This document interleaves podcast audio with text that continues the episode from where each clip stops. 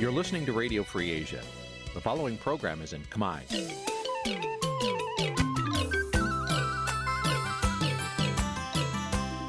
Nǐ chi càm bi tiệp xáy vệt chiu a zì sê ray នេះជាកម្មវិធីផ្សាយរបស់ Vithu Azisaray ជាភាសាខ្មែរ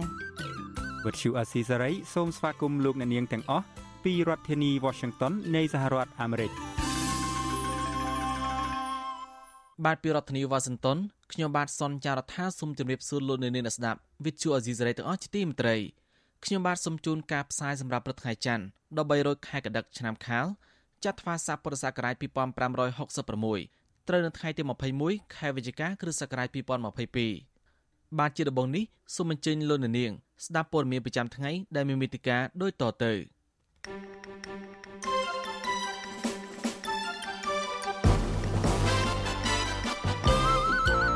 កិច្ចសហប្រតិបត្តិការសន្តិសុខលំហសមុទ្រនឹងក្លាយជាប្រធានបទសំខាន់នៅកិច្ចប្រជុំរដ្ឋមន្ត្រីការពារជាតិអាស៊ាននៅខេត្តសៀមរាបអ្នកខ្លំមើលថាលោកហ៊ុនសែននៅតែចង់បង្ហាញពីភក្តីភាពជាមួយវៀតណាមប្រធានរដ្ឋសភាវៀតណាមកម្ពុជានៅឡើយឯកភាពបង្កើតកិច្ចប្រជុំកំពូលសភាទាំង3រៀងរាល់2ឆ្នាំម្ដងសមាជវិសាមញ្ញគណៈបច្ឆន្ទៈខ្មែរអនុម័តការរួមរួមជាមួយគណៈបកភ្លឹងទៀន រួមនឹងព័ត៌មានផ្សេងៗមួយចំនួនទៀត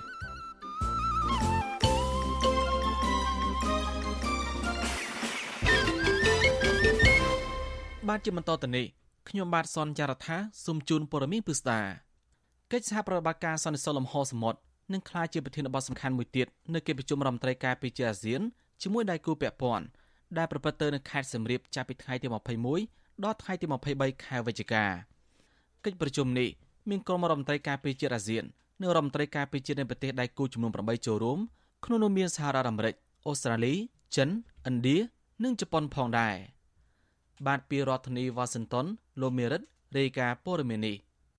ក្រសួងការពារជាតិអាមេរិកឲ្យដឹងតាមរយៈអត្ថបទព័ត៌មានមួយផ្សាយកាលពីថ្ងៃអាទិត្យទី20ខែវិច្ឆិកា ថាក្រុមមន្ត្រីដែលមកចូលរួមកិច្ចប្រជុំនេះរំពឹងថាពួកគេនឹងពិភាក្សាគ្នាអំពីកិច្ចសហប្រតិបត្តិការលើវិស័យសន្តិសុខលំហសមុទ្រនិងការលើកកម្ពស់ការយល់ដឹងលើវិស័យនេះមន្ត្រីជាន់ខ្ពស់ក្រសួងការពារជាតិអាមេរិកនិយាយថាតំបន់ Indo-Pacific គឺជាអតិភិបមួយរបស់ក្រសួងការពារជាតិអាមេរិក ហើយរដ្ឋមន្ត្រីការពារជាតិអាមេរិកលោក Lloyd Austin ធ្វើដំណើរមកកាន់ប្រទេសឥណ្ឌូនេស៊ីនិងកម្ពុជានៅពេលនេះគឺដើម្បីបង្ហាញពីការបដិញ្ញាចិត្តរបស់សហរដ្ឋអាមេរិកមកលើតំបន់នេះនៅមុនពេលធ្វើដំណើរមកកាន់ប្រទេសឥណ្ឌូនេស៊ីនិងកម្ពុជាលោក Lloyd Austin បាននិយាយអំពីដំណើរទស្សនកិច្ចរបស់លោកមកកាន់តំបន់ Indo-Pacific នេះនៅឯវេទិកាសន្តិសុខអន្តរជាតិ Halifax ថាលោកធ្វើដំណើរមកកាន់តំបន់នេះគឺដោយសារតែតំបន់ Indo-Pacific គឺជាចំណុចសំខាន់មួយ ដើម្បីធានាឲ្យពិភពលោកមានវិបុលភាព សន្តិសុខនិងបើកចំហលោកថាបញ្ហាប្រឈមកាន់តែខ្លាំងឡើង គឺប្រទេសចិន កំពុងតែសម្ញែងឥទ្ធិពលរបស់ខ្លួន កាន់តែខ្លាំងឡើងខ្លាំងឡើង នៅក្នុងការព្យាយាមកែប្រែប្រព័ន្ធច្បាប់ នៅក្នុងតំបន់និងអន្តរជាតិដើម្បីឲ្យស្របទៅនឹងបំណងបែបផ្ដាច់ការរបស់ខ្លួនក្រសួងការពារជាតិអាមេរិកបានស្រង់ប្រសាសន៍មន្ត្រីជាន់ខ្ពស់របស់ខ្លួនមួយរូប ឲ្យដឹងថានេះគឺជាលើកទី1ហើយដែលរដ្ឋមន្ត្រីការពារជាតិអាមេរិកមកចូលរួមដោយផ្ទាល់នៅក្នុងកិច្ចប្រជុំរដ្ឋមន្ត្រីការពារជាតិអាស៊ានបូកតាំងពីឆ្នាំ2019មកមន្ត្រីរូនោះថាវាគឺជាវេទិកាតែមួយគត់សម្រាប់ឲ្យរដ្ឋមន្ត្រីការពារជាតិនៅតំបន់ Indo-Pacific មកជួបប្រជុំគ្នាជាលក្ខណៈថ្នាក់រដ្ឋមន្ត្រី នៅតំបន់អាស៊ីដែលជាឱកាសសំខាន់មួយ សម្រាប់ដៃគូដែលមានទស្សនៈស្រដៀងគ្នានិងខុសគ្នាមកអង្គុយទល់មុខគ្នានិងដាក់បញ្ហាទាំងអស់នៅលើតុក្រៅពីបញ្ហាកិច្ចសហប្រតិបត្តិការវិស័យសន្តិសុខលំហសមុទ្ររដ្ឋមន្ត្រីការពារជាតិទាំងនេះក៏គ្រោងនឹងពិភាក្សាគ្នាអំពីព្រឹត្តិការណ៍នានាដែលកំពុងកើតមានឡើងនៅអឺរ៉ុបជំវិញករណីឈ្លានពានរបស់រុស្ស៊ីនៅក្នុងប្រទេសអ៊ុយក្រែនដែលជះឥទ្ធិពលដល់តំបន់ Indo-Pacific ក្រៅពីនោះ បញ្ហាយោធាចិនបង្កើនសកម្មភាពនៅឯច្រកសមុទ្រតៃវ៉ាន់និងនៅតំបន់សមុទ្រចិនខាងត្បូងក៏អាចត្រូវបានក្រុមមេដឹកនាំនៃកិច្ចប្រជុំនេះលើកយកមកពិភាក្សាផងដែរនៅមួយថ្ងៃមុនកិច្ចប្រជុំថ្នាក់រដ្ឋមន្ត្រីការពារជាតិអាស៊ានបូករដ្ឋមន្ត្រីការពារជាតិចិន និងជាសមាជិកក្រុមប្រឹក្សារដ្ឋចិន លោក Wei Fenghe បានជួបដាច់ដライជាមួយរដ្ឋមន្ត្រីការពារជាតិកម្ពុជា លោកទាបាញ់និងលោកនាយករដ្ឋមន្ត្រីហ៊ុនសែន លោកទាបាញ់បានសរសេរនៅលើទំព័រ Facebook របស់លោកថាទស្សនកិច្ចរបស់រដ្ឋមន្ត្រីការពារជាតិចិនលើកនេះនឹងជំរុញឲ្យមានកិច្ចសហប្រតិបត្តិការកងទ័ពរវាងប្រទេសទាំងពីរកាន់តែស៊ីជម្រៅឡើងមួយកម្រិតទៀតរីឯក្នុងជំនួបជាមួយលោកនាយរដ្ឋមន្ត្រីហ៊ុនសែនវិញរដ្ឋមន្ត្រីការពារជាតិចិន បានសន្យាថាចិននឹងបន្តជួយដល់កម្ពុជាថែមទៀតគេនៅមិនទាន់ដឹងនៅឡើយទេ ថាតើអាចនឹងមានជំនួបទ្វេភាគី រវាងប្រមុខការពារជាតិអាមេរិកលោក Lloyd Austin និងប្រមុខការពារជាតិចិន លោកវ៉ៃហ្វេងហេនិងប្រមុខការពារជាតិចិន លោកវ៉ៃហ្វេងហេនៅស្របពេលដែលពួកលោកមកចូលរួមកិច្ចប្រជុំរដ្ឋមន្ត្រីការពារជាតិអាស៊ានបូកនៅឯខេត្តសៀមរាបនេះដែលឬយ៉ាងណានោះទេទូយ៉ាងណាកាលពីថ្ងៃអាទិត្យទី20ខែវិច្ឆិកា ក្រសួងការពារជាតិចិនបានចេញផ្សាយនូវសេចក្តីថ្លែងការណ៍មួយដោយស្រង់ប្រសាសន៍អ្នកនាំពាក្យក្រសួងការពារជាតិចិន ដែលអះអាងថាភាគីទាំងពីរកំពុងសម្របសម្រួលឲ្យមានជំនួបមួយ នៅឯកិច្ចប្រជុំនេះដែលនឹងប្រព្រឹត្តទៅនៅថ្ងៃពុធសប្តាហ៍នេះ កិនមត្រឹមម៉ោងផ្សាយនេះ Visual C ស្រីនៅមិនទាន់អាចតាក់ទងអ្នកនាំពាក្យក្រសួងការពារជាតិកម្ពុជាលោកឈុំសុជាតិនិងអ្នកនាំពាក្យក្រសួងការបរទេសកម្ពុជា លោកជុំសន្ត្រី អំពីថាតើកម្ពុជា មានបានអញ្ជើញរដ្ឋមន្ត្រីការពារជាតិនៃរបបសឹកភូមាខុសច្បាប់ឲ្យមកចូលរួមកិច្ចប្រជុំរដ្ឋមន្ត្រីការពារជាតិអាស៊ានបូកនេះដែរឬយ៉ាងណានោះក្រសួងការពារជាតិអាមេរិក ឲ្យដឹងតាមរយៈសេចក្តីប្រកាសព័ត៌មានកាលពីថ្ងៃទី16ខែវិច្ឆិកាថានៅក្នុងពេលមកចូលរួមកិច្ចប្រជុំរដ្ឋមន្ត្រីការពារជាតិអាស៊ានបូករដ្ឋមន្ត្រីការពារជាតិអាមេរិកលោក Lloyd Austin នឹងមានជំនួបពិគ្រោះយោបល់ក្រៅផ្លូវការជាលក្ខណៈពហុភាគីជាមួយសមាភាគីអាស៊ាន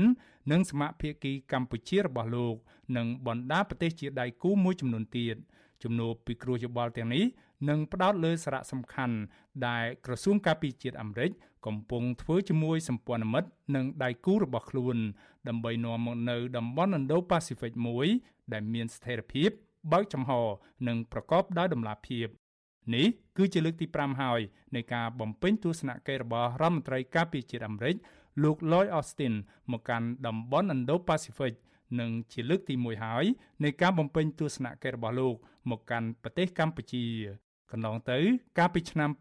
2012 នៅក្នុងពេលដែលកម្ពុជាធ្វើជាម្ចាស់ផ្ទះនៃកិច្ចប្រជុំកំពូលអាស៊ានលើកទី2អតីតរដ្ឋមន្ត្រីការពារជាតិនិងជាអតីតនាយកភ្នាក់ងារស៊ើបការសម្ងាត់របស់សហរដ្ឋអាមេរិកឬ CIA លោក Leon Panetta ក៏បានមកបំពេញទស្សនកិច្ចនៅកម្ពុជា ដើម្បីចូលរួមកិច្ចប្រជុំរដ្ឋមន្ត្រីការពារជាតិអាស៊ានបូក នៅឯខេត្តសៀមរាបនេះដែរ កាលនោះលោកបានប្រមានរដ្ឋាភិបាលលោកនាយរដ្ឋមន្ត្រីហ៊ុនសែនអំពីកំណត់ត្រាដ៏យូរលង់នៃអំពើរំលោភសិទ្ធិមនុស្សនៅក្នុងប្រទេសនេះក្នុងជំនួបទ្វេភាគីជាមួយលោកនាយរដ្ឋមន្ត្រីហ៊ុនសែននៅស្របពេលមកចូលរួមកិច្ចប្រជុំកំពូលអាស៊ាន កាលពីថ្ងៃទី12ខែវិច្ឆិកាប្រធានាធិបតីអាមេរិក លោក Joe Biden បានលើកឡើងពីកង្វល់នានាជំវិញស្ថានភាពនៅឯមូលដ្ឋានកងទ័ពជើងទឹករៀមនិងបានគូបញ្ជាក់អំពីសារៈសំខាន់នៃការបង្ហាញដំណាភាពពេញលេញអំពីសកម្មភាពនានាដោយយោធានៃសាធារណរដ្ឋប្រជាមានិតចិន នៅឯមូលដ្ឋានកំពង់ផារៀមលោកโจ Biden ក៏បានជំរុញឲ្យលោកនាយរដ្ឋមន្ត្រីហ៊ុនសែន បើកចំហលំហសង្គមស៊ីវិលនិងនយោបាយនៅកម្ពុជានៅមុនការបោះឆ្នោតជាតិឆ្នាំ2023ខាងមុខនេះកិច្ចប្រជុំថ្នាក់រដ្ឋមន្ត្រីការពារជាតិអាស៊ានបូកគឺជាវេទិកាវិស័យការពារជាតិនិងសន្តិសុខនៅក្នុងតំបន់មួយ ដែលមានរដ្ឋមន្ត្រីការពារជាតិអាស៊ាន និងរដ្ឋមន្ត្រីការពារជាតិនៃប្រទេសដៃគូចំនួន8ជាសមាជិក ក្នុងនោះរួមមានអូស្ត្រាលីចិនឥណ្ឌាជប៉ុននូវែលសេឡង់កូរ៉េខាងត្បូង រុស្ស៊ីនិងសហរដ្ឋអាមេរិកខ្ញុំបាទមេរិត Visual C ស្រីរាយការណ៍ពីរដ្ឋធានី Washington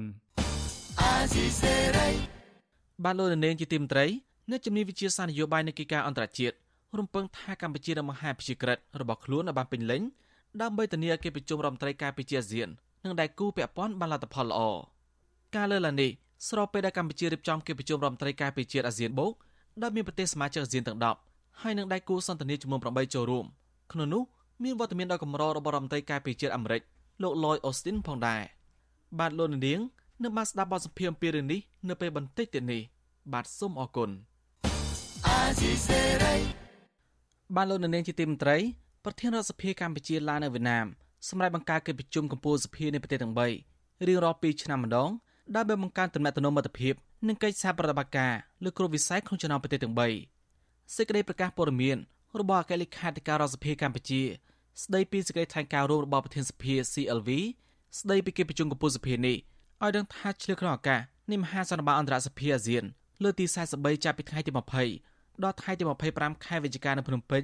ប្រធានសភានៃប្រទេស CLV បានសម្រេចផ្លាស់ប្តូរកិច្ចប្រជុំគណៈកម្មាធិការនិងគណៈកម្មការកិច្ចការបរទេសដែលមានស្រាប់ឲ្យក្លាយទៅជាកិច្ចប្រជុំកំពូលសភា CLV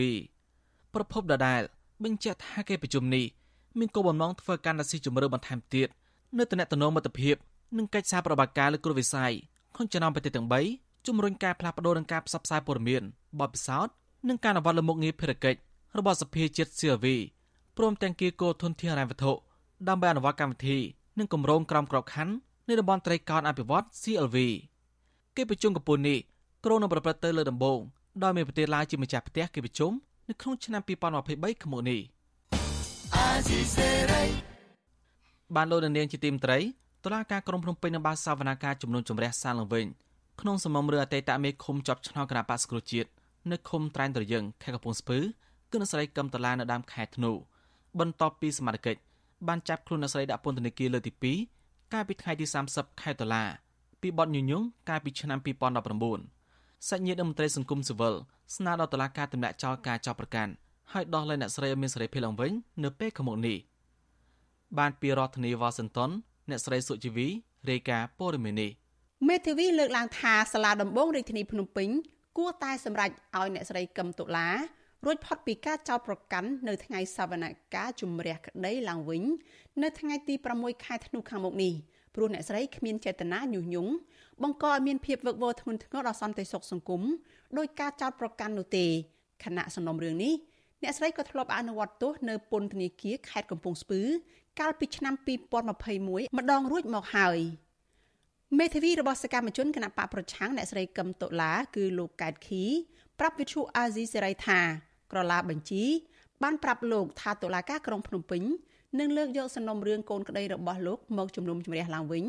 នៅថ្ងៃទី6ខែធ្នូលោកឲ្យដឹងថាបើតាមពិនិត្យមើលសំណុំរឿងនេះ តុលាការបានយករូបភាពបង្ហោះនៅលើ Facebook កន្លងមកទៅធ្វើជាភ័ស្តុតាងដាក់បន្ទុកសកម្មជនបកប្រឆាំងរូបនេះ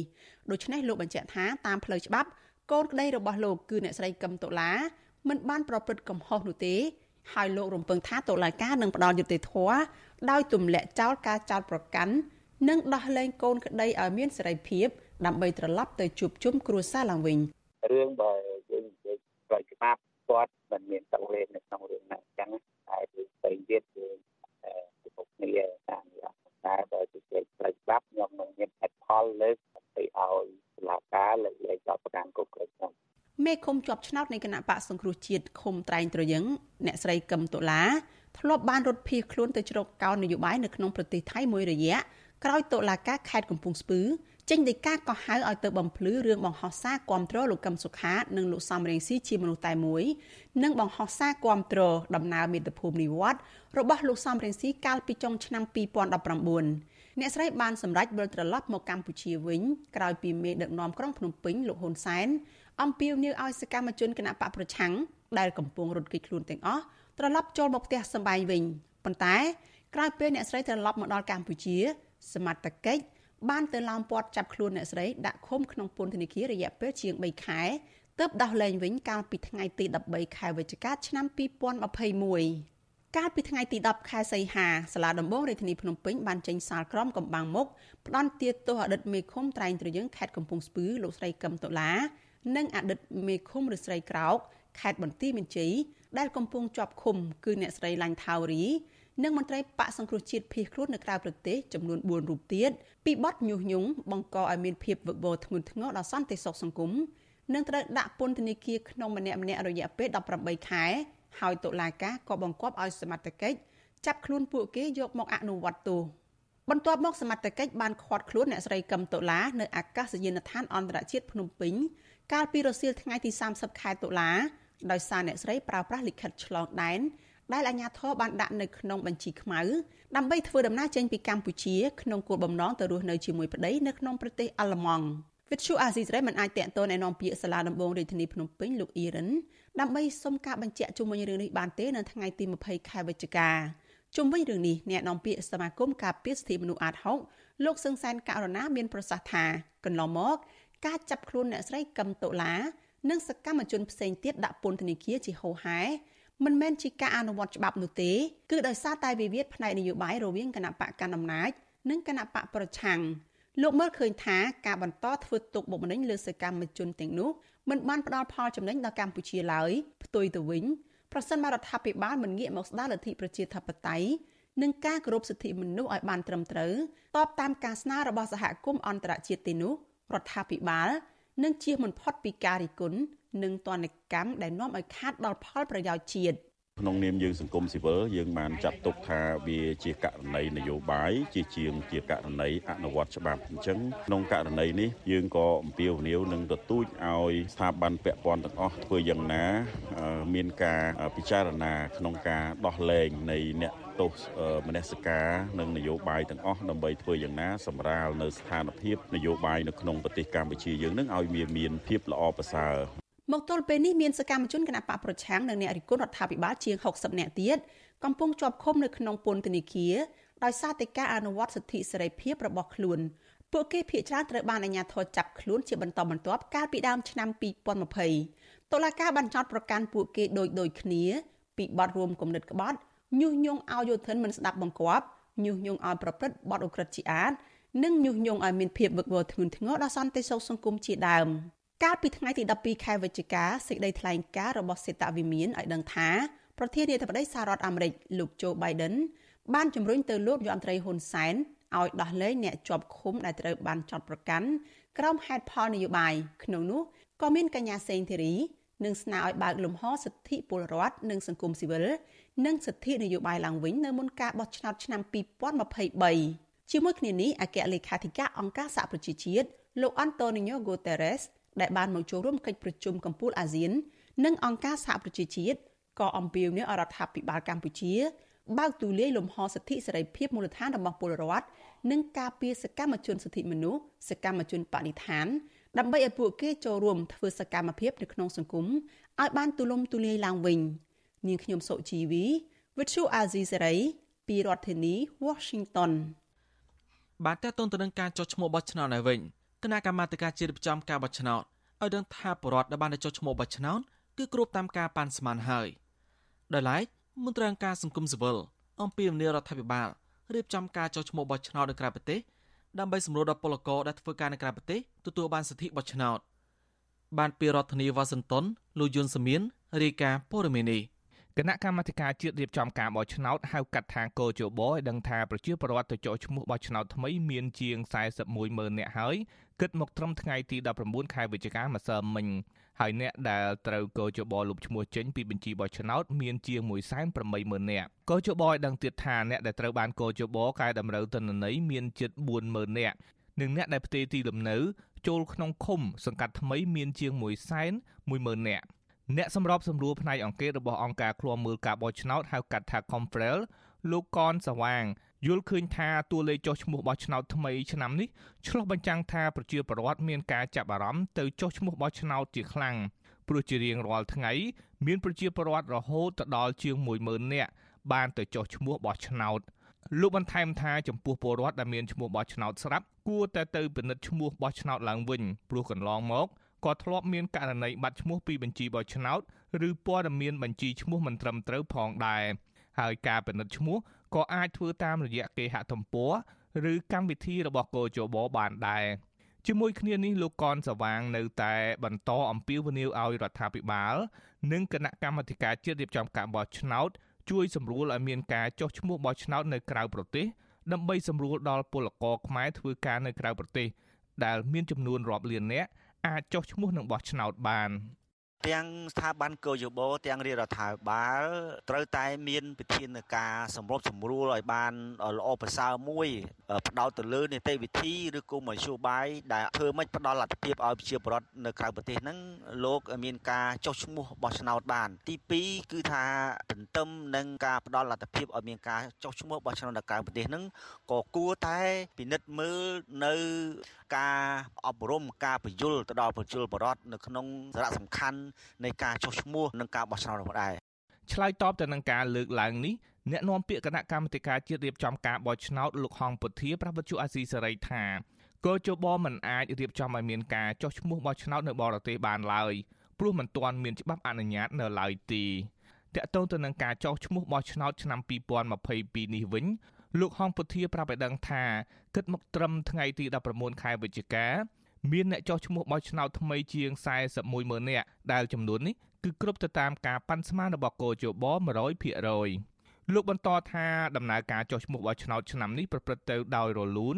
ដោយមិនមានបញ្ហាអ្វីគួរកត់សម្គាល់នោះទេទោះបីជាយ៉ាងណាលោកឲ្យដឹងថាកុំព្យូទ័រមួយចំនួនដែលបម្រើក្នុងការចុះឈ្មោះបោះឆ្នោតបានខូចដោយសារចាស់ពេក ហើយដំណើរការចុះឈ្មោះបោះឆ្នោតនៅកន្លែងខ្លះរអាក់រអួលដោយសារតែបញ្ហាអ៊ីនធឺណិតអ្វីដែលកោជបអាចធ្វើបានហ្នឹងគឺអនុវត្តទៅតាមច្បាប់ច្បាប់អនុញ្ញាតឲ្យកោជបរៀបចំការិយាល័យចុះឈ្មោះបោះឆ្នោតនៅក្នុងប្រទេសនៅតាមឃុំសង្កាត់ដែលសម័យខ្លួនកំពុងរស់នៅឬក៏សម័យខ្លួនមានទីសំណាក់នៅក្នុងគុំសង្កាត់នោះកោជបបានប្រកាសរួចហើយតាមស្ថានទូតនៃប្រទេសនានាហើយក៏រៀបចំពេលវេលារហូតដល់50ថ្ងៃក្នុងការចុះឈ្មោះបោះឆ្នោតនៃឆ្នាំ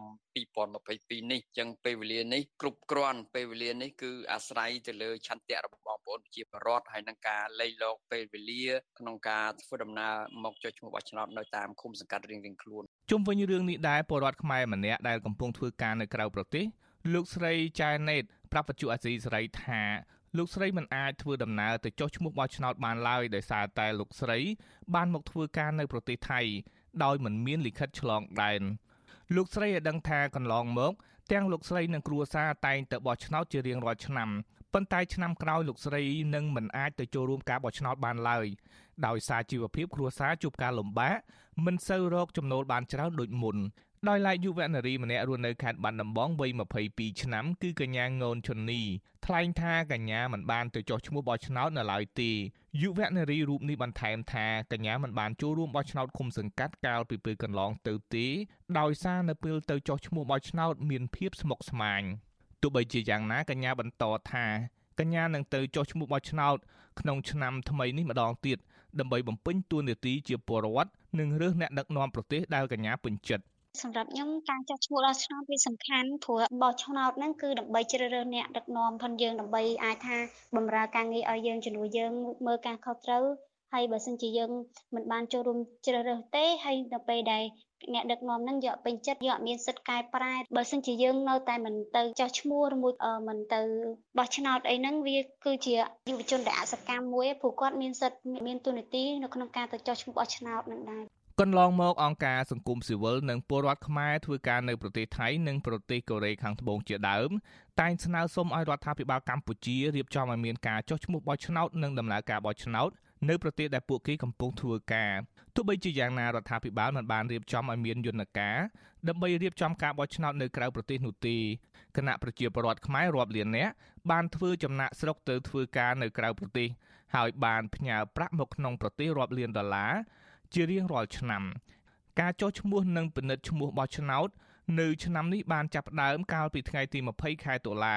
ហើយនឹងបញ្ចប់នៅថ្ងៃទី8ខែធ្នូបញ្ជីបោះឆ្នោតនៅឆ្នាំ2022នេះនឹងត្រូវបានកោជបប្រើប្រាស់នៅក្នុងការបោះឆ្នោតថ្នាក់ជាតិនៅថ្ងៃអាទិត្យទី23ខែកក្កដាឆ្នាំ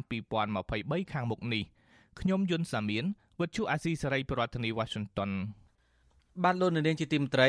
ប្រធានគណៈបកឆន្ទៈខ្មែរបានលេលែងពីគណៈបកជាផ្លូវការហើយដើម្បីនាំក្រុមមេដឹកនាំគណៈបកនេះទៅចូលរួមសកម្មភាពជាមួយគណៈបកភ្លើងទៀនសេចក្តីប្រកាសព័ត៌មានស្តីពីសេចក្តីសម្រេចនៃអង្គសមាជវិសាមញ្ញរបស់គណៈបកឆន្ទៈខ្មែរឲ្យដឹងកាលពីថ្ងៃទី20ខែវិច្ឆិកាថាគណៈបកនេះយល់ព្រមលោកកុំមុនីកាជាប្រធានគណៈបករួមនឹងថ្នាក់ដឹកនាំគណៈបកនេះមួយចំនួនបានលាលែងពីគណៈបកទៅចូលរួមនយោបាយក្រមស្លាកគណៈបកភ្លើងទៀនវិញជាមួយគ្នានេះ គណៈបច្ឆន្ទៈខ្មែរក៏បានសម្រេចមិនដាក់បញ្ជីបេក្ខជនឈរឈ្មោះនៅក្នុងការបោះឆ្នោតជ្រើសតាំងតំណាងរាស្ត្រឆ្នាំ2023នោះដែរបើទោះបីជាយ៉ាងណាគណៈបកនេះនៅតែរក្សាឈ្មោះគណៈបច្ឆន្ទៈខ្មែរក្នុងបញ្ជីគណៈបកនយោបាយផ្លូវការរបស់ក្រសួងមហាផ្ទៃដដែលគណៈបកឆន្ទៈខ្មែរដែលជាគណៈបកនយោបាយមួយក្នុងចំណោមគណៈបកនយោបាយដែលបានបែកចេញពីគណៈបកស្គ្រូជាតិបានប្រកាសចូលរួមធ្វើនយោបាយជាមួយគណៈបកភ្លើងទៀនដើម្បីរួមកម្លាំងគ្នា ក្នុងការចូលរួមប្រកួតប្រជែងការបោះឆ្នោតឆ្នាំ2023ខាងមុខកាលពីថ្ងៃទី3ខែតុលាប្រធានគណៈបកឆន្ទៈខ្មែរលោកកុំមុនីកាបញ្ជាក់ថាថ្នាក់នាំគណៈបកឆន្ទៈខ្មែរនិងជួយធ្វើការងារបរិងសកម្មភាពនយោបាយរបស់គណៈបកភ្លើងទៀនបានលោកនាងជាទីមត្រីពលករខ្មែរមួយចំនួនដែលរស់នៅប្រទេសថៃ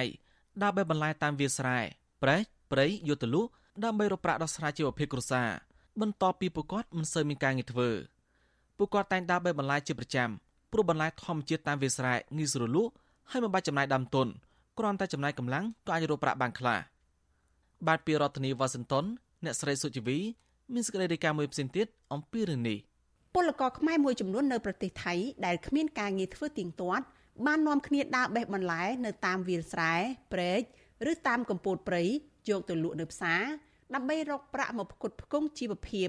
ពួកគាត់ដើរបេះបន្លែមានដូចជាត្រកួន ស្លឹកបាសនិងផ្ទីដែលដុះនៅតាមវាលស្រែនៅឯជាយក្រុងពលការិនីម្នាក់ដែលរស់នៅប្រទេសថៃជាង3ឆ្នាំដើរបេះបន្លែធម្មជាតិតាមមាត់ព្រែកមានស្រុកកំណើតទៅខេត្តបន្ទាយមានជ័យលោកស្រីច័ន្ទវីប្រាប់វិទ្យុអាស៊ីសេរីកាលពីថ្ងៃទី20ខែវិច្ឆិកាថាពីមុនលោកស្រីធ្លាប់ធ្វើសំណង់និងធ្លាប់ធ្វើជាកម្មករនៅរោងចក្រតែឥឡូវនេះគ្មានការងារធ្វើលោកស្រីនិងមិត្តភ័ក្តិ4នាក់ទៀត បានដើរបេះបន្លែយកមកលក់ដើម្បីរកប្រាក់ដោះស្រាយជីវភាពគ្រួសារនៅក្នុងគ្រាលំបាកនេះលោកស្រីបន្តថាលោកស្រីអាចរកប្រាក់បានប្រមាណពី300បាតឬស្មើនឹង8ដុល្លារដែរនៅក្នុងមួយថ្ងៃដោយលោកស្រីត្រូវចេញទៅបេះតាំងពីព្រឹករហូតដល់រសៀលទើបយកមកលក់នៅផ្សារនៅក្បែរផ្ទះ។ រឿងការងារអ្នកណាអ្នកណាក៏ធ្លាក់ការទាំងអស់មានអ្នក cluster តែរកអង្គស្រកស្នាំងមិនបានអញ្ចឹងពួកខ្ញុំបានប្រហែលជា4 5អ្នកនេះនាំគ្នាមកបេះបន្លែនៅម្ដុំនេះដើម្បី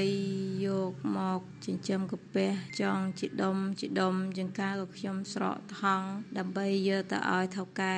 ថៃដែលគេទទួលទិញរបស់ថោកថោកអីចឹង ស្រដៀងគ្នានេះដែរពលករនីខ្មែរម្នាក់ទៀតធ្វើការនៅប្រទេសថៃបាន2ឆ្នាំមកពីខេត្តបាត់ដំបងលោកស្រីនួនវត្តប្រាប់ថាលោកស្រីដើរបេះត្រកួននៅតាមវាលស្រែឬតាមដំបូកព្រៃដែលនៅឆ្ងាយពីភូមិជារៀងរាល់ថ្ងៃលោកស្រីបន្ថែមថាជីវភាពលោកស្រីលំបាកហើយមិនដឹងទៅរកការងារឯណាធ្វើបានក៏ទៅផ្សាយផ្សំបន្លែតាមព្រៃយកមកលក់ដោយថ្ងៃខ្លះលោកស្រីអាចរកប្រាក់បានជាង300បាតស្មើនឹង9ដុល្លារដែរ លោកស្រីបន្តថាលោកស្រីនឹងត្រឡប់ទៅស្រុកខ្មែរវិញបើសន្សំបានលុយគ្រប់សម្រាប់ចាយវាយអូខ្ញុំអត់បានធ្វើការទេដោយសារអត់មានការងារធ្វើទេបានចង់តាំងពីកូវីដមកនេះចូលចិត្តមួយឆ្នាំដែរចាចាហ្នឹងអត់មានហងអត់ទាន់មានការងារច្បាស់លាស់ពិតប្រាកដធ្វើទេដោយសារយើងអត់មានថាអត់មានបាត់អត់មានបាក់ពណ៌ដូចតែវិទ្យុអាស៊ីសេរីមិនអាចតាក់ទងសុំការអធិប្បាយជុំវិញបញ្ហានេះពីស្ថានទូតខ្មែរប្រចាំនៅប្រទេសថៃបានទេ កាលពីថ្ងៃទី20ខែវិច្ឆិកាដោយទូរស័ព្ទហៅចូលជាច្រើនដងតែពុំមានអ្នកទទួលប៉ុន្តែព័ត៌មានពីទំព័រ Facebook ស្ថានទូតខ្មែរប្រចាំប្រទេសថៃ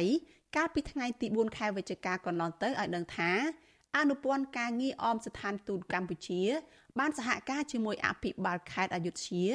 និងស្ថាប័នពាក់ព័ន្ធនានាដោយយកម្ហូបអាហារនិងប្រដាប់ប្រើប្រាស់មួយចំនួនទៅចែកជូនដល់ពលករខ្មែរដែលរងផលប៉ះពាល់ពីភ្លើងឆេះកន្លែងស្នាក់នៅ ស្ថិតនៅក្នុងបរិវេណរោងចក្រប្រវិតគោរពក្នុងស្រុកបាងសៃខេត្តអយុធ្យាភ្លើងឆាបឆេះនោះបានធ្វើឲ្យខូចខាតរបស់របរមានតម្លៃរបស់របរប្រើប្រាស់របស់ពលករខ្មែរតែមិនបណ្ដាលឲ្យពលកររងរបួសនិងប៉ះពាល់ដល់អាយុជីវិតឡើយ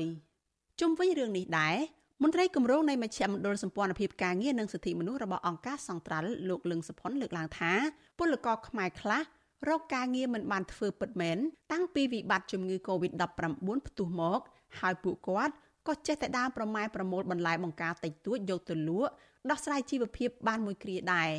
លោកបន្តថាពលករខ្មែរត្រូវចំណាយច្រើនលើថ្លៃហូបចុករាល់ថ្ងៃថ្លៃបន្ទប់និងថ្លៃបន្តសុពលភាពទឹកតការហើយប្រាក់ចំណូលបានតិចតួចធ្វើឲ្យពួកគាត់រស់ដោយលំបាកនៅក្នុងប្រទេសថៃនៅក្នុងស្ថានភាពបច្ចុប្បន្នហ្នឹងវាលំបាកមែន បាទវាលំបាកច្រើនជាងឆ្នាំមុនមុនណាប្រហែលជាវាតាកតងទៅនឹងសេដ្ឋកិច្ចពិភពលោកឬក៏ជាយ៉ាងម៉េចទៅប្រាក់ចំណូលវាមិនដូចមុនណាបាទហើយមួយទៀតខ្ញុំស្រឡឹងឃើញចាដាខ្ញុំស្រឡឹងឃើញថារបស់របរឡើងថ្លៃកាលណាយើងបានប្រាក់ចំណូលមកយើងត្រូវចំណាយទៅលើការចាយវាយប្រចាំថ្ងៃផងធ្វើឲ្យការប្រាក់ចំណូលរបស់យើងនឹងវាចាយមិនគ្រប់ពលករខ្មែរមួយចំនួនដែលកំពុងធ្វើការនៅប្រទេសថៃមានជីវភាពក្រីក្រហើយពួកគាត់ ចេះតែស្រវេស្រវាមុខរបរបណ្ដោះអាសន្នដើម្បីដោះស្រាយបញ្ហាក្រពះដូចជាដើររើសអេតចាយដើរបេះបន្លែតាមព្រៃតាមវាលស្រែដើររើសបន្លែសេះសល់នៅតាមផ្សារមកបរិភោគរហូតពលករខ្លះដាច់ចិត្តអង្គុយសុំទាននៅតាមចិញ្ចើមថ្នល់ក៏មាននាងខ្ញុំសុជីវី Virtual Azizi Saray ពីរដ្ឋធានី Washington បានលោកនាងជាទីមត្រីកសិករចិញ្ចឹមសត្វគោនៅខេត្តបៃលិនខេត្តបាត់ដំបងបារម្ភពីចោរលុយគោរបស់ប្រកួតជាបន្តបន្ទាប់ ដោយមិនមានអាជ្ញាធរអាពើចាប់ជនល្មើសមកផ្ដន់ទោសនោះទេ មន្ត្រីសង្គមស៊ីវិលយល់ថាអាជ្ញាធរខេត្តគួរមានវិធានការលើមន្ត្រីសមាជិកមូលដ្ឋានដែលមិនអើពើទប់ស្កាត់ករណីចោរលុយគោរបស់បរដ្ឋក្នុងដែនសមាជិករបស់ខ្លួនកសិករចិញ្ចឹមគោនៅស្រុកសាឡាក្រៅខេត្តបៃលិននិងស្រុកកំរៀងខេត្តបាត់ដំបងសោកស្ដាយដែលបាត់គោអស់ច្រើនក្បាលហើយបារម្ភពីសុវត្ថិភាពសត្វគោចិញ្ចឹមដែលសល់ពីចោរលួចកន្លងមកពួកគេយល់ថាបើគោនៅតែបន្តបាត់បែបនេះពួកគាត់នឹងប្រឈមជីវភាពកាន់តែលំបាកខ្លាំងនៅពេលខាងមុខ ពួកគាត់ថាសកម្មភាពចោរលួចគោកន្លងមកស្មារតីរួមមិនឃើញហើយចាប់បានចោរមកប្រតិទោសម្ដងណាទេកសិករចិញ្ចឹមគោអាយុ72ឆ្នាំរស់នៅពីអ្នកប្តីប្រពន្ធនៅឃុំសាលាក្រៅស្រុកសាលាក្រៅលោកធុននៅបានប្រាប់វិទ្យុអេស៊ីសរ៉ៃថ្ងៃទី20វិច្ឆិកាថាលោកចិញ្ចឹមគោ10ក្បាលហើយបានបាត់គោ2ក្បាលដោយមួយក្បាលត្រូវបានចោរលួចកាលពីដើមឆ្នាំហើយមួយក្បាលទៀតបានបាត់កាលពីថ្ងៃទី10ខែវិច្ឆិកាលោកបន្តថាការដែលចិញ្ចឹមគោដោយសារលោកនឹងប្រពន្ធកាន់តែចាស់ដើម្បីមានជាទ្រព្យសម្បត្តិ សម្រាប់ប្រើប្រាស់នៅពេលចាស់ជរាលោកបន្តថាគោរបស់លោកភេច្រើនគឺសន្សំដោយចិញ្ចឹមចែកគ្នាជាមួយម្ចាស់ដីដែលលោកចាំចំការឲ្យគេហើយក៏សន្សំរហូតបានគោមួយចំនួនគ្រាន់លោកបានប្រាក់ដោះស្រាយជីវភាពគ្រួសារលោកធុននៅសោកស្ដាយគោដែលត្រូវបានចោរលួចដែលធ្វើឲ្យប៉ះពាល់ដល់ជីវភាពគ្រួសារស្របពេលដែលលោកកំពុងមានជីវភាពលំបាក លោកឲ្យលោកអាចចាស់ខ្លួនហើយខំចាំគូតែលោកដល់ចាស់ខ្លួនតិចទៅមានលុយអីធំមានលុយគូនឹងឯងហើយវាចេះជាបាត់ខ្ញុំចាំដឹងគិតលៀបមិនទេក្នុងអារម្មណ៍វាពិបាកនឹងគិតនៅតែព្រួយបារម្ភខ្លាចថ្ងៃក្រោយគេធ្វើតាមខ្ញុំតទៅទៀតហើយមានការប្រុងប្រយ័ត្នទៅថ្ងៃក៏ប្រយ័ត្នអាយុក៏ប្រយ័ត្នហើយមានការដេកបន្តិចបន្តួចខ្ញុំមិនចង់ថ្ងៃអីចង់ចម្ងាយប្រហែលជា10ម៉ែត្រខ្លួនអារម្មណ៍ខ្លាចតែលោកធ្វើឲ្យវាធ្វើបាបអស់យកអស់ទៅមិនដឹងហើយសម្រាប់ខ្លួនឯងទៀតទៅមិនដឹងយ៉ាងម៉េចទៅមិនដឹងទេកសិករចិញ្ចឹមគោម្នាក់ទៀតនឹងជាប្រជាការពារឃុំកំរៀងលោកជឹមជួនលើកឡើងថាលោកចិញ្ចឹមគោ11ក្បាលហើយប្រវាស់ពីគេមួយចំនួនលោកថាលោកបានបាត់គោចំនួន5ក្បាលក្នុងនោះមានមេគោ4ក្បាលហើយគោឈ្មោល1ក្បាលដោយចោលលុយចេញពីក្រោលកាលពីម៉ោង2ទៀបភ្លឺកាលពីថ្ងៃទី11ខែវិច្ឆិកាលោកបន្តថានៅកន្លែងកាត់ហេតុចោលបន្សល់ទោនៅដានឡានហើយចំណងខ្សែគោ ហើយប្រពមួយចំនួនថាឃើញមានឡានកូរ៉េពណ៌សបានដឹកចេញឆ្ពោះទៅស្រុកបវលលោកបានថែមថាតម្លៃគោសពថ្ងៃឲ្យលោកបានប្រមាណ4លានរៀលក្នុងមួយក្បាលដែលធ្វើលោកខាត់បងប្រាក់ច្រើនហើយប៉ះពាល់ជីវភាពគ្រួសារ ខ្ញុំបារម្ភខ្លាំងគ្រូអស់លីងហើយប្រវាស់គេខ្វះផង បាត់គោប្រវាស់ផងគោខ្លួនឯងផងបាទដុនដាបហ្នឹងហើយអ្នកម្ចាស់គោហ្នឹងព្រោះគាត់ឲ្យថាជួយចេញសងគាត់មួយចំនួនដែរបាទដូចថាវាធ្លំមើលយើងយូរថ្ងៃដែរហើយតាមមើលយូរខែហើយមើលតែប្រឡោះយើងមកបន្តិចវាឆក់ឱកាសបាទខាងប៉ៃលិនហ្នឹងក៏បាត់ស្រដៀងគ្នានេះកសិករចិញ្ចឹមគោនៅឃុំកំរៀងស្រុកកំរៀងខេត្តបាត់ដំបងលោកដូចឈៀងឲ្យដឹងថាលោកចិញ្ចឹមគោ80ក្បាល ហើយកាលពីថ្ងៃទី12វិច្ឆិកាចោលលុយគោអស់4ក្បាលលោកថាលោកបានដាក់ពាក្យប្តឹងទៅសមាជិកឃុំកំរៀងដែរប៉ុន្តែចំថ្ងៃអាទិត្យមិនសូវមានមន្ត្រីប្រចាំការទេលោកអំពីវនីថ្នាក់ដឹកនាំនគរបាលស្រុកនិងខេត្តបាត់ដំបងពង្រឹងមន្ត្រីនគរបាលធ្វើការតាន់ពេលវេលាជូនដល់ប្រជាពលរដ្ឋលោកបារម្ភថាគោនៅសេសសល់ខ្លាចចោលលុយអស់ទៀតប្រសិនបើសមាជិកមិនទាន់ចាប់បានចោលដែលតែលុយគោរបស់ប្រជាពលរដ្ឋ អារម្មណ៍តាក់ទងទៅនឹងមូលដ្ឋានប៉ោះរបស់ខ្ញុំគឺចឹងគេថាគាត់ល្មើសព្រហ្មទណ្ឌហើយគាត់ថ្ងៃអាទិត្យអីគាត់ថាគេគាត់ធ្វើការតែពិតលីយើងអត់មានរើសថ្ងៃតែអាទិត្យអីទេគេអត់ចង់ធ្វើការយើងហើយទី1ទី2តាក់ទងទៅនឹងមូលដ្ឋាននឹងសបូរអ្នកប្រើប្រាស់គ្រឿងញៀននិងអ្នកលក់ដូរអញ្ចឹងខ្ញុំកូនចំច្រើនបើកូនខ្ញុំចំមានលបងមានអីគាត់ត្រឹមត្រូវទេតែដោយសារដោយយប់ខាត់ហេតុហ្នឹងអូនអ្នកដែលឃ្វាគោខ្ញុំមើលគោខ្ញុំហ្នឹងគាត់តែងតែហូបស្រាជាប្រចាំដែរសូមឲ្យថ្នាក់លើជួយត្រួតពិនិត្យតាក់ទងទៅនឹងបាប៉ោះនីមួយៗទៅតាមឃុំសង្កាត់យើងរឹងទាក់ទងទៅនឹងការចេញចូលឆ្លងកាត់គោត្រូវការមានការត្រួតពិនិត្យឲ្យបានគ្រប់គ្រាន់ឆ្លើយតបរឿងនេះអធិការនគរបាលស្រុកកំរៀងលោកវេកំចត់ប្រាវិទ្យាស៊ីសេរីថាលោកកំពុងស្រាវជ្រាវក្រោយពីមានការបំភ្លឺរបស់បរិវត្តដែលឃើញឡានកូរ៉េប៉សមានទ្រង់បិទចិត្តហើយម៉ាស៊ីនឆេះធម្មតាតែបិទភ្លើងលោកបន្តថាបរិវត្តឃើញភិនភាកឡានតែគ្មានស្លាកលេខទេហើយក្រុមសមត្ថកិច្ចក៏បានឆែកកាមេរ៉ាតាមដងផ្លូវប៉ុន្តែមិនមានឡានជន់ល្មើសនោះទេ លោកវេកំចត់បញ្ជាក់ថាកន្លងមកបរដ្ឋទិញលក់សត្វគោត្រូវធ្វើលិខិតស្នាមទិញលក់ដោយមានការទទួលស្គាល់ពីប៉ុនគរបាឃុំ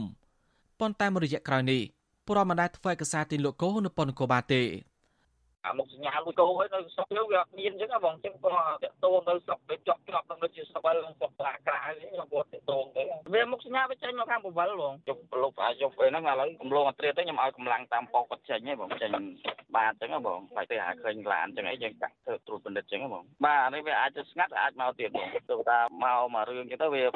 ឈុលទៅវាបាត់ទៅហ្នឹងបងវាអត់តហ៊ានមកទៀតអញ្ចឹងហើយយើងក៏បោះរដ្ឋបាលផ្សព្វផ្សាយឲ្យជាពលរដ្ឋអញ្ចឹងមានការប្រុងប្រយ័ត្ន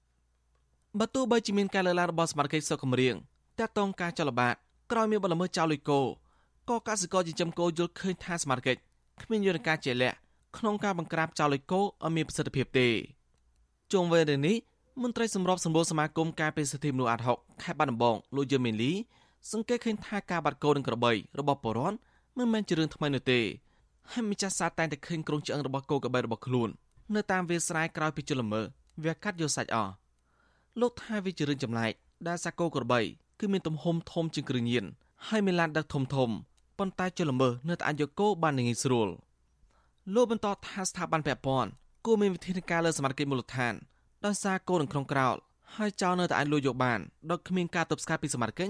ដែលប្រាជ្ញាពីគោលនយោបាយភូមិឃុំមានសវត្ថិភាព ខ្ញុំឃើញថាជំនាញខ្លះគាត់សស្រាក់ស្រាមគ្មានថ្ងៃសារអាទិត្យទេសឹងថាចោះចាប់ទាំងយប់ទៀតបើសិនជាផ្នែកសន្តិសុខយើងធ្វើបានដូចជំនាញមួយចំនួនហ្នឹងខ្ញុំគិតថាប្រជាប្រដ្ឋត្រេកអរណានេះបញ្ហារឿងគូកបីប៉ុន្តែនៃដឹកដោយរថយន្តទៅបញ្ហាគ្រឿងញៀនទុយទុយវានឹងបង្កបញ្ហាអីទៀតហើយណាដែលចឹងធ្វើឲ្យប្រជាប្រដ្ឋពេលខ្លះលោករៀងជំនឿដែរទៅលើសមាជិកបើសិនជាបញ្ហាហ្នឹងវាកើតឡើងអញ្ចឹងត្រូវមានចំណាត់ការជាបន្ទាន់ថ្នាក់ស្រុកឬក៏ថ្នាក់ខេត្តត្រូវមានវិធានការណាអត់ត្រូវលាក់រឿងហ្នឹងនេះអូលាក់កុំឲ្យខាត់លើដឹងឲ្យអត់ទេសម័យនេះសម័យបច្ចេកវិទ្យាសម័យ Facebook យើងមិនអាចលាក់ព័ត៌មានបានទេសំខាន់យើងឲ្យដឹងទាំងអស់នេះហើយយើងរកវិធានការទប់ស្កាត់ខ្ញុំគិតថាជាការប្រសើរជាងបាទកន្លងមកករណីចោលលុយគោក្របីតែធ្វើសកម្មភាពពេលយប់លួចដឹកចេញពីក្រៅខណៈពេលម្ចាស់គោកំពុងតែលក់ហើយអូឡងឡានហើយមួយចំនួនទៀតគឺសម្រាប់គោហើយវេះយកទៅសាច់មានតម្លៃ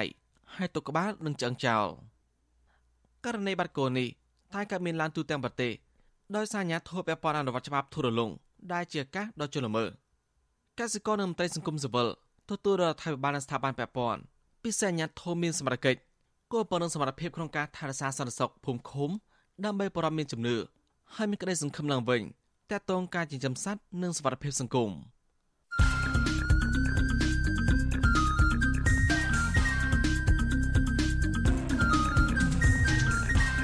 បតសំភារ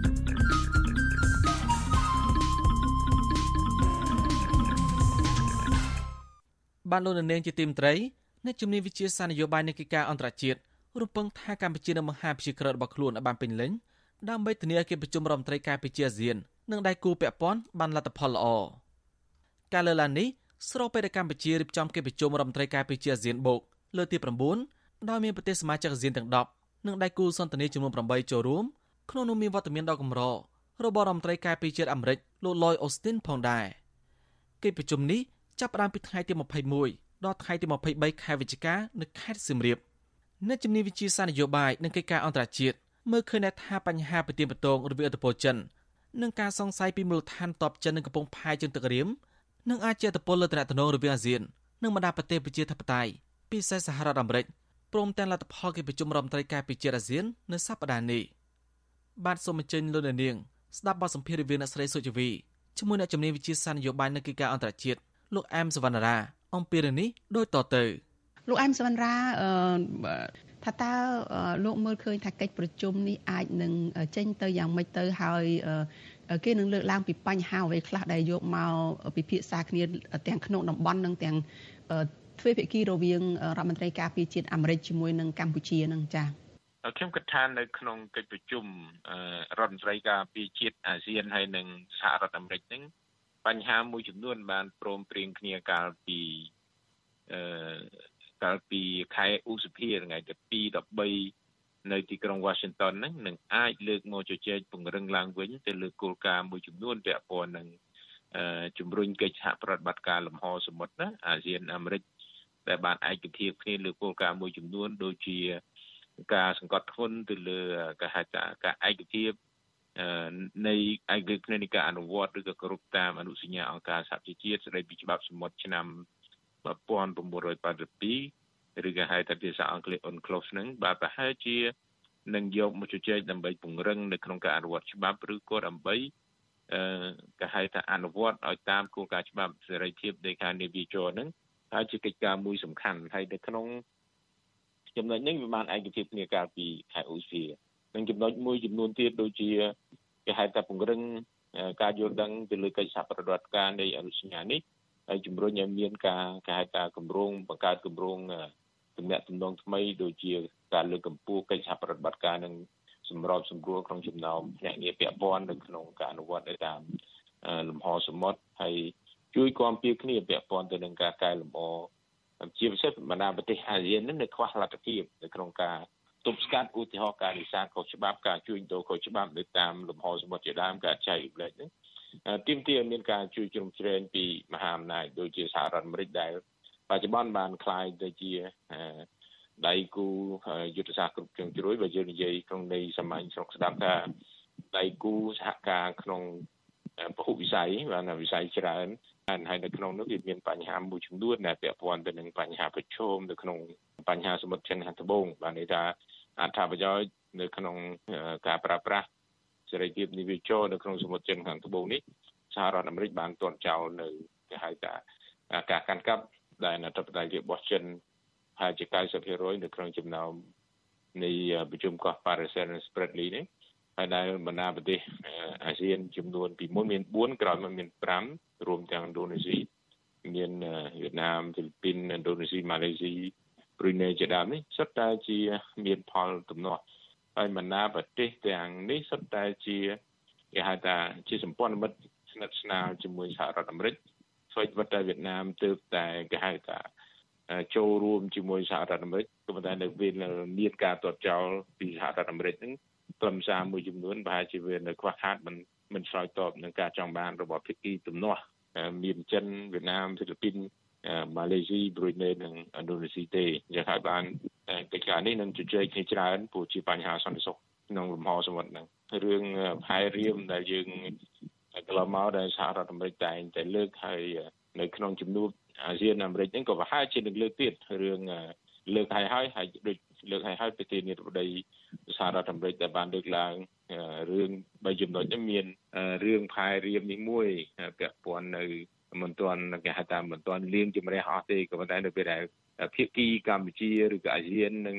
អាមេរិកកិច្ចចុះកិច្ចព្រមព្រៀងឬក៏បញ្ញានៅក្នុងការរួមគ្នាចូលលើជំហរអភិក្រិតគោរពទៅតាមគោលការណ៍ច្បាប់សមុទ្រនេះខ្ញុំអាចថាយើងអាចមើលឃើញអំពីការកាត់បន្ថយហានិភ័យនៃការប្រជុំគ្នារវាងសហរដ្ឋអាមេរិកនិង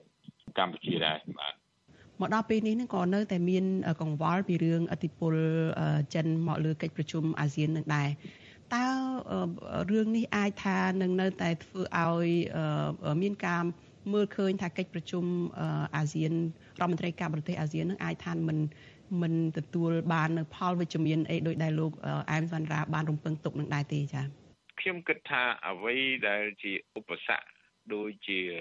ការប្រជុំនៅពេលកម្ពុជាជាប្រធានអាស៊ានលើកទី2នៃឆ្នាំ2012ប្រហែលជាមិនកើតឡើងនៅបច្ចុប្បន្ននេះទេ បាទដោយសារតែអ្វីដែលខ្ញុំឈរលើគោលការណ៍វិជ្ជមានឬក៏ហៅថាមានសុខធនិយមច្រើនរឿងជំនួបនេះសង្ឃឹមថាមានការជោគជ័យច្រើនជាងការបរាជ័យឬក៏ការសម្រេចបាននៅសមិទ្ធផលច្រើនជាងការមិនសម្រេចបានដោយសារតែកត្តាមួយចំនួនដែលយើងមើលយើងផ្អែកទៅលើការព្រមព្រៀងគ្នាកន្លងមករវាងសហរដ្ឋអាមេរិកនិង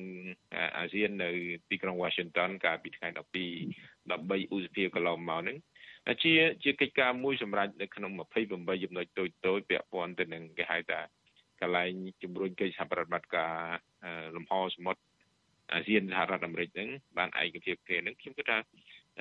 ចូលលើគោលការណ៍ច្បាប់អន្តរជាតិជាជារួមហើយបច្ចុប្បន្នឆ្នាំ2022ដែលកម្ពុជាធ្វើជាប្រធានអាស៊ានទៀតសោតក៏បានលើកគេហៅថាបញ្ហាមូលបត់ធំមួយ គេថាយើងរួមគ្នាធ្វើរួមគ្នាដោះស្រាយហើយនៅក្នុងគោលការណ៍កន្លឹះសំខាន់នោះគឺមជ្ឈភាពរបស់អាស៊ានអាស៊ានចូលកណ្ដាលជាដូច្នេះបើសិនបើគោលការណ៍នេះនៅតែប្រកាន់ដដែល វាអត់មានឧបសគ្គអីទេវាមានផលចំណេញសម្រាប់តំបន់អាស៊ានហើយបើកម្ពុជា នៅក្នុងនយោបាយការបរទេសនិងគោលនយោបាយរបស់ខ្លួននៅក្នុងរដ្ឋធម្មនុញ្ញបានប្រកាសអំពីអភិ ជាក្រិតរបស់ខ្លួនហើយគ្រាន់តែកន្លងមកគឺខ្វះការខ្វះការកសាងជំនឿទុកចិត្តទៅដល់សហភាគីឬក៏ភាគីសន្តិនិកដៃគូមិត្តភាពដូចជាអាមេរិកជាដើមលោកអែមសម្រាមមើលឃើញថាយ៉ាងម៉េចតើកម្ពុជានឹងអាចលៀងជំរះខ្លួនបានទេតើអាចឲ្យគេមើលឃើញថាខ្លួននឹងមានភាពមិនលំអៀងទៅភាគីផ្សេងផ្សេងក្រៅអំពីការបង្ហាញថាខ្លួនឯងនៅកណ្ដាលនឹងបាននឹងចា៎ ហេតុអីបានវាពិបាកនៅក្នុងការកសាងជំនឿដោយសារតែគោលនយោបាយកម្ពុជាប្រកាសអភិជាក្រិតភាពរបស់ខ្លួនតាំងពីមានកិច្ចព្រមព្រៀងនៅក្នុងប៉ារីសឆ្នាំ91មកក៏ប៉ុន្តែទង្វើអរិយាប័ត្ររបស់ថ្នាក់ដឹកនាំនិងការវោហារស័ព្ទជាដើមมันបានកសាងជំនឿជឿជាក់ទៅបណ្ដាលោកខាងលិចឬក៏សហរដ្ឋអាមេរិកជាពិសេសទេក៏ប៉ុន្តែក៏ប៉ុន្តែនៅពេលនេះ យើងក៏ចង់ឃើញអំពីការប្រកាសឬក៏ហៅថាអរិយាប័ត្របង្ហាញអរិយាប័ត្រជំហរមជ្ឈភាពរបស់កម្ពុជាអភិជាក្រិតភាពរបស់កម្ពុជានឹងឡើងវិញដែរឧទាហរណ៍ថាមុនមានភាពលក្ខកជាមួយសហរដ្ឋអាមេរិកហ្នឹងកម្ពុជាក៏ធ្លាប់មានគេហៅថាធ្វើសម្យុទ្ធយុធាជាមួយនឹងសហរដ្ឋអាមេរិកគេហៅថាឆ្មាំអង្គរអញ្ចឹងមកបាទហើយជាមួយនឹងអូស្ត្រាលីហៅថាគូព្រៃអញ្ចឹងក៏ប៉ុន្តែ ក្រោយមកត្រូវបានលុបចោលដោយភាគីកម្ពុជាណាដែលយើងឃើញកន្លងមកមានប៉ុន្តែយើងរក្សានៅសម្យុទ្ធយុធាជាមួយចិនសាធារណរដ្ឋប្រជាមានិតចិនហ្នឹងគឺថាតានិមាសយើងទុកតែមួយក៏ប៉ុន្តែនៅពេលដែលមានការលើកឡើងបញ្ហាអភិក្រិតភាពនេះយើងឃើញប្រមុខរដ្ឋមន្ត្រីការពារជាតិកម្ពុជានឹងក៏បានប្រកាសបើកទទួលយកឲ្យមានគេហៅថាដៃគូ ដូចជាសហរដ្ឋអាមេរិកអូស្ត្រាលីឬក៏បណ្ដាប្រទេសអឺរ៉ុបបារាំងអង់គ្លេសជាដើមអាចចូលមកធ្វើជាសម្យុទ្ធយោធាឡើងវិញបានណានេះគឺឃើញគាត់បើកទូលាយឡើងវិញយើងយើងចាំមើលថាតើការជឿទុកចិត្តរបស់លោកខាងលិចនេះមានក្របខ័ណ្ឌណាមួយបើសិនបើយន្តការនេះងាកមកដូចអ្វីដែលមុនកើតឡើងមានភាពលក្ខកឬក៏ត្រឡប់ទៅរកប្រកក្តីភាពវិញខ្ញុំគិតថាកម្ពុជាអាចកសាងបាននៃជំនឿទុកចិត្តបាន ឡើងវិញក៏ប៉ុន្តែបើសិនបើខ្វះការសហការឬក៏ការចូលរួមធ្វើសម្យុទ្ធជាបរិយសម្យុទ្ធជាសហប្រតិបត្តិការជាមួយនឹងសហរដ្ឋអាមេរិកឬក៏លោកខាងលិចទេខ្ញុំគិតថាយើងមិនទាន់បានកសាងជំនឿទុកចិត្តបានពេញលេញទេកិច្ចការនេះយើងមើលឃើញចំណុចមួយទៀតឧទាហរណ៍ពាក់ព័ន្ធទៅនឹងសហរដ្ឋអាមេរិកកន្លងមកក៏ធ្លាប់ហាក់ដូចជាមានកណ្ដា embargo មួយហុំព័ទ្ធនៅការប្រើប្រាស់ សម្ភារៈយោធាអាវុធដែល ជារបស់សហរដ្ឋអាមេរិកអីចឹងបើសិនបើការដកការ embargo នេះចេញក៏យើងឃើញចំណុចវិជ្ជមានដែរប៉ុន្តែអ្វីទាំងអស់នេះយើងអត់ទាន់ឃើញមានការប្រែប្រួលទេប៉ុន្តែអ្វីយើងយើងមិនទាន់សង្ឃឹមថាមានការប្រែប្រួលច្រើនទេប៉ុន្តែទស្សនៈខ្ញុំផ្ទាល់ឲ្យតែមានដំណើរទស្សនកិច្ចដោយប្រមុខការវិជាសហរដ្ឋអាមេរិក Lloyd Austin មក ទឹកដីអាស៊ាននិងកម្ពុជានឹងគឺជាចំណុចវិជ្ជមានមួយហើយហើយនឹងប្រធានាធិបតីសហរដ្ឋអាមេរិកជាដើមរដ្ឋមន្ត្រីការបរទេសសហរដ្ឋអាមេរិកជាដើមប៉ុន្តែយើងចាំប្រងចាំមើលទៀតចាសសូមជម្រាបលាលោកអែមសមរាហើយជូនពរលោកសុខភាពល្អចា៎បានជម្រាបលាបានលោកនាងទើបបានស្ដាប់បទសភារវាអ្នកស្រីសុជីវីជាមួយអ្នកជំនាញវិជាសាស្ត្រនយោបាយនិងកិច្ចការអន្តរជាតិលោកអែមសវណ្ណារាដែលថាកម្ពុជាគួរបង្ហាញប្រជាក្រិតរបស់ខ្លួនឲ្យបានពេញលេញដើម្បីធានាកិច្ចប្រជុំរដ្ឋមន្ត្រីការពារអាស៊ាន នៅដៃគូពាក់ព័ន្ធបានលទ្ធផលល្អ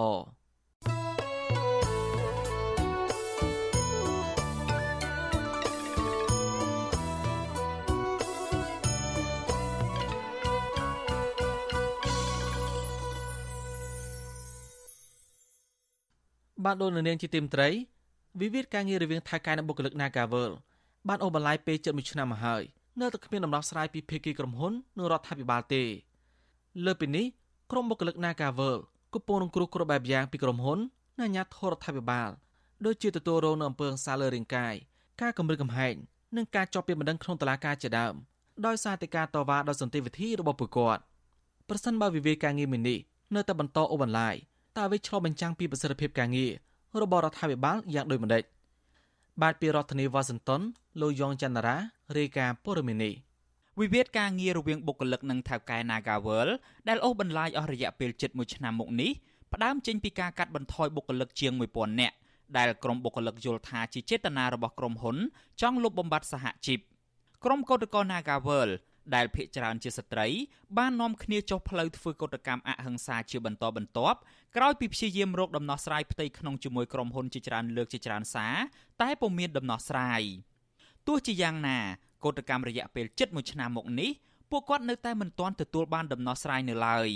ក្រសួងការងារដែលមានទួនាទីដោះស្រាយវិវាទការងារដោយឯករាជ្យនោះត្រូវបានក្រុមកោតក្រ Nagawal មើលឃើញថាបានលំអៀងទៅរកក្រុមហ៊ុនដោយពុំបានជំរុញឲ្យថៅកែកាស៊ីណូដ៏ធំកណ្ដាលទីក្រុងភ្នំពេញមួយនេះគោរពច្បាប់ការងារនិងចូលរួមដោះស្រាយវិវាទការងារជាមួយបុគ្គលិកនោះទេជារឿយៗ ក្រសួងការងារសាលារដ្ឋាភិបាលភ្នំពេញ និងស្ថាប័នពាក់ព័ន្ធរួមទាំងតំណាងរាស្ត្ររបស់គណៈបកកណ្ដាលអំណាចបានចេញមុខការពីក្រុមហ៊ុន និងតែងតែចោទប្រកាន់ក្រុមកោតក្រថាស៊ីឈ្នួលធ្វើបាតុកម្មកោតក្រ Nagawal កញ្ញាច័ន្ទស្រីរតប្រាប់វិទ្យុអាស៊ីសេរីថាកញ្ញាខកចិត្តចំពោះទង្វើរបស់ក្រមអាជ្ញាធរនិងរដ្ឋាភិបាលដែលមិនត្រឹមតែមិនជួយរកដំណោះស្រាយវិវាទការងារនេះប៉ុណ្ណោះទេ ប៉ុន្តែថែមទាំងលំអៀងទៅថៅកែ Nagawal ហើយគម្រាមកំហែងមកលើក្រុមបុគ្គលិកដែលជាជនរងគ្រោះទៅវិញកញ្ញាយល់ឃើញថាមូលហេតុដែលបណ្ដាលឲ្យអាជ្ញាធរមិនចាត់វិធានការតាមផ្លូវច្បាប់ទៅលើថៅកែកាស៊ីណូ Nagawal នោះគឺមកពីថៅកែរូបនេះបានប្រើប្រាស់លុយដើម្បីទិញទឹកចិត្តក្រុមអាជ្ញាធរឲ្យមកធ្វើការគំរាមកំហែងទៅលើក្រុមកោតក្រ ពួកខ្ញុំអត់បានធ្វើបដិវត្តគាត់ដូចជាការចោតប្រកាន់របស់គាត់ទេហើយរឿងនេះរឿងវិវាទការងារហើយក៏ពួកខ្ញុំអត់មានតែចង់ទៅផ្ដួលរំលំរដ្ឋាភិបាលអីដែរគឺអត់មានទេគឺវិវាទការងាររឿងឆ្នាំងបាយរឿងកាពះកន្លងទៅក្រុមបុគ្គលិកកាស៊ីណូ Naga World ដែលចេញធ្វើកោតកម្មតែងតែរងការបៀតបៀនគេខ្មាស់និងរងនៅអំពើហិង្សាជាបន្តបន្ទាប់ពីក្រុមអាជ្ញាធរនៅក្នុងនោះបុគ្គលិកជាស្ត្រីដែលកំពុងពពោះម្នាក់ ត្រូវបានក្រុមអាជ្ញាធររុញផ្ទប់ទៅនឹងរថយន្តក្រុងរហូតដល់រលូតកូនលើសពីនេះទៅទៀតតុលាការបានចាប់ថ្នាក់ដឹកនាំនិងសកម្មជនសហជីពសរុប11នាក់ដាក់ពន្ធនាគារជាបន្តបន្ទាប់កាលពីដើមឆ្នាំ2022ដោយចោទប្រកាន់ពីបទញុះញង់និងល្មើសច្បាប់ COVID-19 នៅពេលពួកគេប្រើប្រាស់សិទ្ធិស្របច្បាប់ធ្វើកោតកម្មអហិង្សាទាមទារដំណោះស្រាយក្រោយពីមានការរិះគន់ធ្ងន់ធ្ងរពីសហគមន៍ជាតិនិងអន្តរជាតិ ទើបតុលាការសម្រេចដោះលែងអ្នកទាំង11នាក់ឲ្យនៅក្រៅឃុំបណ្ដោះអាសន្នកាលពីពាក់កណ្ដាលខែមីនាកន្លងទៅក៏ប៉ុន្តែត្រូវសន្យាមិនឲ្យចូលរួមដឹកនាំការតវ៉ានិងប្រាប់ឲ្យកោតក្ររក្សាភាពស្ងប់ស្ងាត់ដើម្បីជួបចរចារកដំណោះស្រាយទោះជាយ៉ាងណា ការជួបចរចា14លើកកន្លងទៅនេះនៅតែគ្មានលទ្ធផលវិជ្ជមាន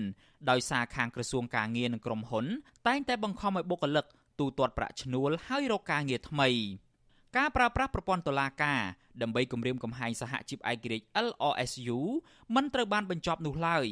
បច្ចុប្បន្ននេះក្រុមកោតក្រ Nagawal 8នាក់ផ្សេងទៀតដែលសកម្មនឹងលេចធ្លោនៅក្នុងការតវ៉ានោះត្រូវបានព្រះរាជអាជ្ញារងនៃអัยការអមសាលាដំបងរាជធានីភ្នំពេញលោកឆាយហុងក៏ហៅឲ្យចូលបំភ្លឺតាមបណ្ដឹងរបស់ក្រុមហ៊ុនពីបទចោទរំលោភលើលំនៅឋានធ្វើឲ្យខូចខាតដោយចេតនាមានស្ថានទម្ងន់ទោសព្រមទាំងចាប់ឃុំឃាំងនិងបង្ខាំងដោយខុសច្បាប់ បុគ្គលិក Nagawal ម្នាក់ដែលកំពុងជាប់បណ្ដឹងនៅក្នុងសំណុំរឿងនេះគឺលោកស្រីឆានបូរ៉ាថ្លែងថាលោកស្រីហួសចិត្តដែលតុលាការមិនកោះហៅថៅកែ Nagawal បែរជាកោះហៅលោកស្រីដែលជាជនរងគ្រោះឲ្យចូលបំភ្លឺនៅក្នុងតុលាការទៅវិញលោកស្រីបន្ថែមថា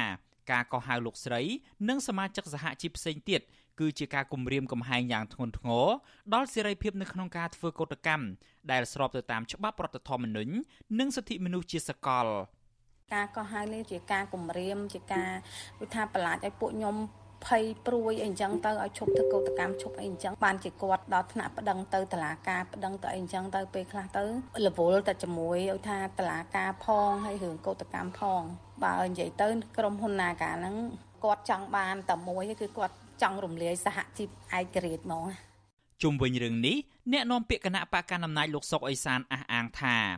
រដ្ឋាភិបាលបានព្យាយាមរកដំណោះស្រាយវិវាទការងារកាស៊ីណូ Nagawal នេះរួចហើយលោកថាវិវាទការងារនេះនៅតែបន្តដោយសារតែក្រុមបុគ្គលិកមិនព្រមទទួលយកដំណោះស្រាយដែលក្រុមអាជ្ញាកណ្ដាលដោះស្រាយវិវាទការងារនៃក្រសួងការងារបានដាក់ចេញលោកបន្ថែមថារដ្ឋាភិបាលមិនអាចបង្ខំឲ្យក្រុមហ៊ុនទទួលយកបុគ្គលិកឲ្យធ្វើការវិញនោះឡើយ ការដោះស្រាយតាមគោលការណ៍ច្បាប់ហ្នឹងមានយន្តការជាអញ្ញាកដាលដែលជាសមត្ថកិច្ចចេញពីក្រសួងការងារមកក៏ប៉ុន្តែបងប្អូនបាតកោកម្មករដែលពាក់ព័ន្ធនឹងមិនសុខចិត្តមិនសុខចិត្តនៅទៅធ្វើបាតកម្មតទៅទៀតដូច្នេះហើយបាតកម្មដែលមិនមិនព្រមទទួលដំណោះស្រាយតាមច្បាប់ការងារហើយយន្តការរបស់ក្រសួងការងារទេខ្ញុំយល់ថាវាជាអ្នកខុសច្បាប់ហើយទោះជាយ៉ាងណា កោតក្រនាការវលកញ្ញាសិបញ្ញា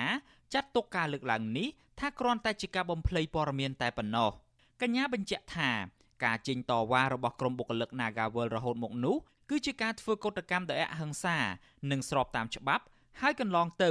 តំណាងក្រសួងការងារមិនបានជំរុញឲ្យថៅកែ Nagawal គោរពច្បាប់ការងារឡើយ។ គាត់មានតែដាក់បន្ទុកហៅតែកម្មករខ្មែរឲ្យតែទៅយកទទួលយកកញ្ចប់សំណងឲ្យតការណាការប្រជុំទាំងខុសច្បាប់ហើយនឹងគុណលុយអត់តាមត្រូវច្បាប់ការងារនេះសួរថានឹងមិនមែនជាដំណោះស្រាយផលគាត់ដែលគាត់ខំព្យាយាមប្រាប់ប្រជាពលរដ្ឋខ្មែរកម្មករខ្មែរថាគាត់ប្រឹងណាស់ប្រឹងណាស់គាត់ប្រឹងមែនក្រសួងការងារនិងស្ថាប័នពាក់ព័ន្ធរបស់គាត់ទាំងអស់គាត់ប្រឹងមែនរាល់ថ្ងៃគឺប្រឹងលៀបពណ៌ចេញសារលិខិតគម្រាមកំហែងចាប់ចងចាប់ចោតពួកយើងដាក់គុកនឹង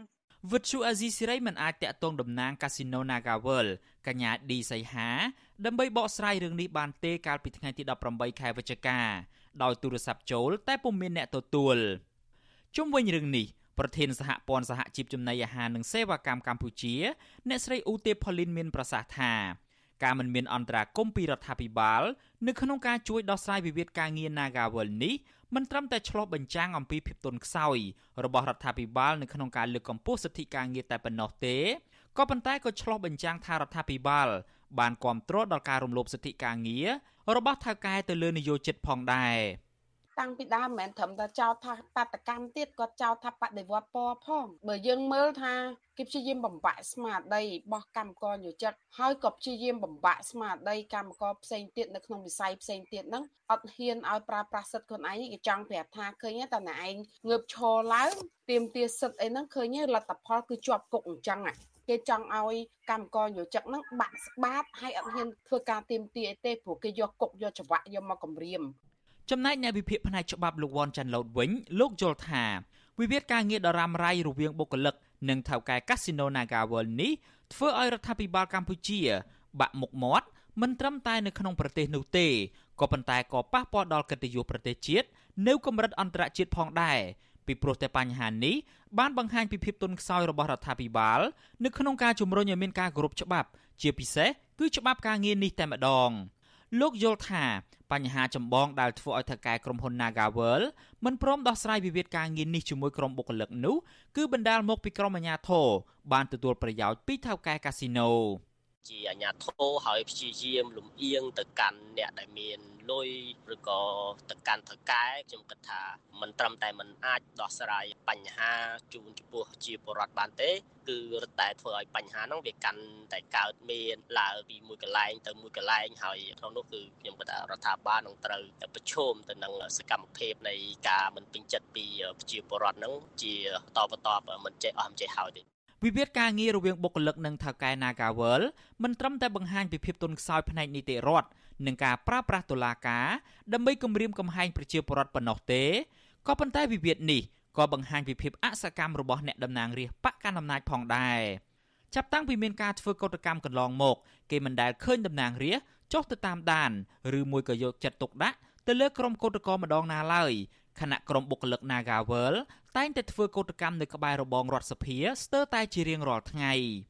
សហជីពត្រួតត្រងសិទ្ធិការងារបុគ្គលិកកម្មករខ្មែរនៃក្រុមហ៊ុន Casino Nagawal បានគូបញ្ជាក់នៅក្នុងសេចក្តីថ្លែងការណ៍កាលពីពេលកន្លងទៅថាការប្រើប្រាស់តុលាការមិនមែនជាដំណោះស្រាយពិតប្រាកដដែលធ្វើឲ្យកោតកោបោះបង់ការទាមទារសិទ្ធិការងារ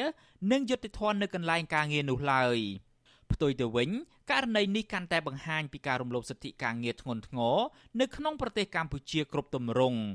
សហជីពដដែលនេះអំពាវនាវឲ្យក្រុមហ៊ុនងាកមកគោរពសេរីភាពសហជីពនិងសិទ្ធិការងាររបស់ក្រុមបុគ្គលិកដែលបានរួមចំណែកយ៉ាងខ្លាំងធ្វើឲ្យក្រុមហ៊ុនរីកចម្រើនរហូតមកដល់ពេលបច្ចុប្បន្ននេះខ្ញុំយ៉ងច័ន្ទដារាវិទ្យុអាស៊ីសេរីរាយការណ៍ពីរដ្ឋធានី Washington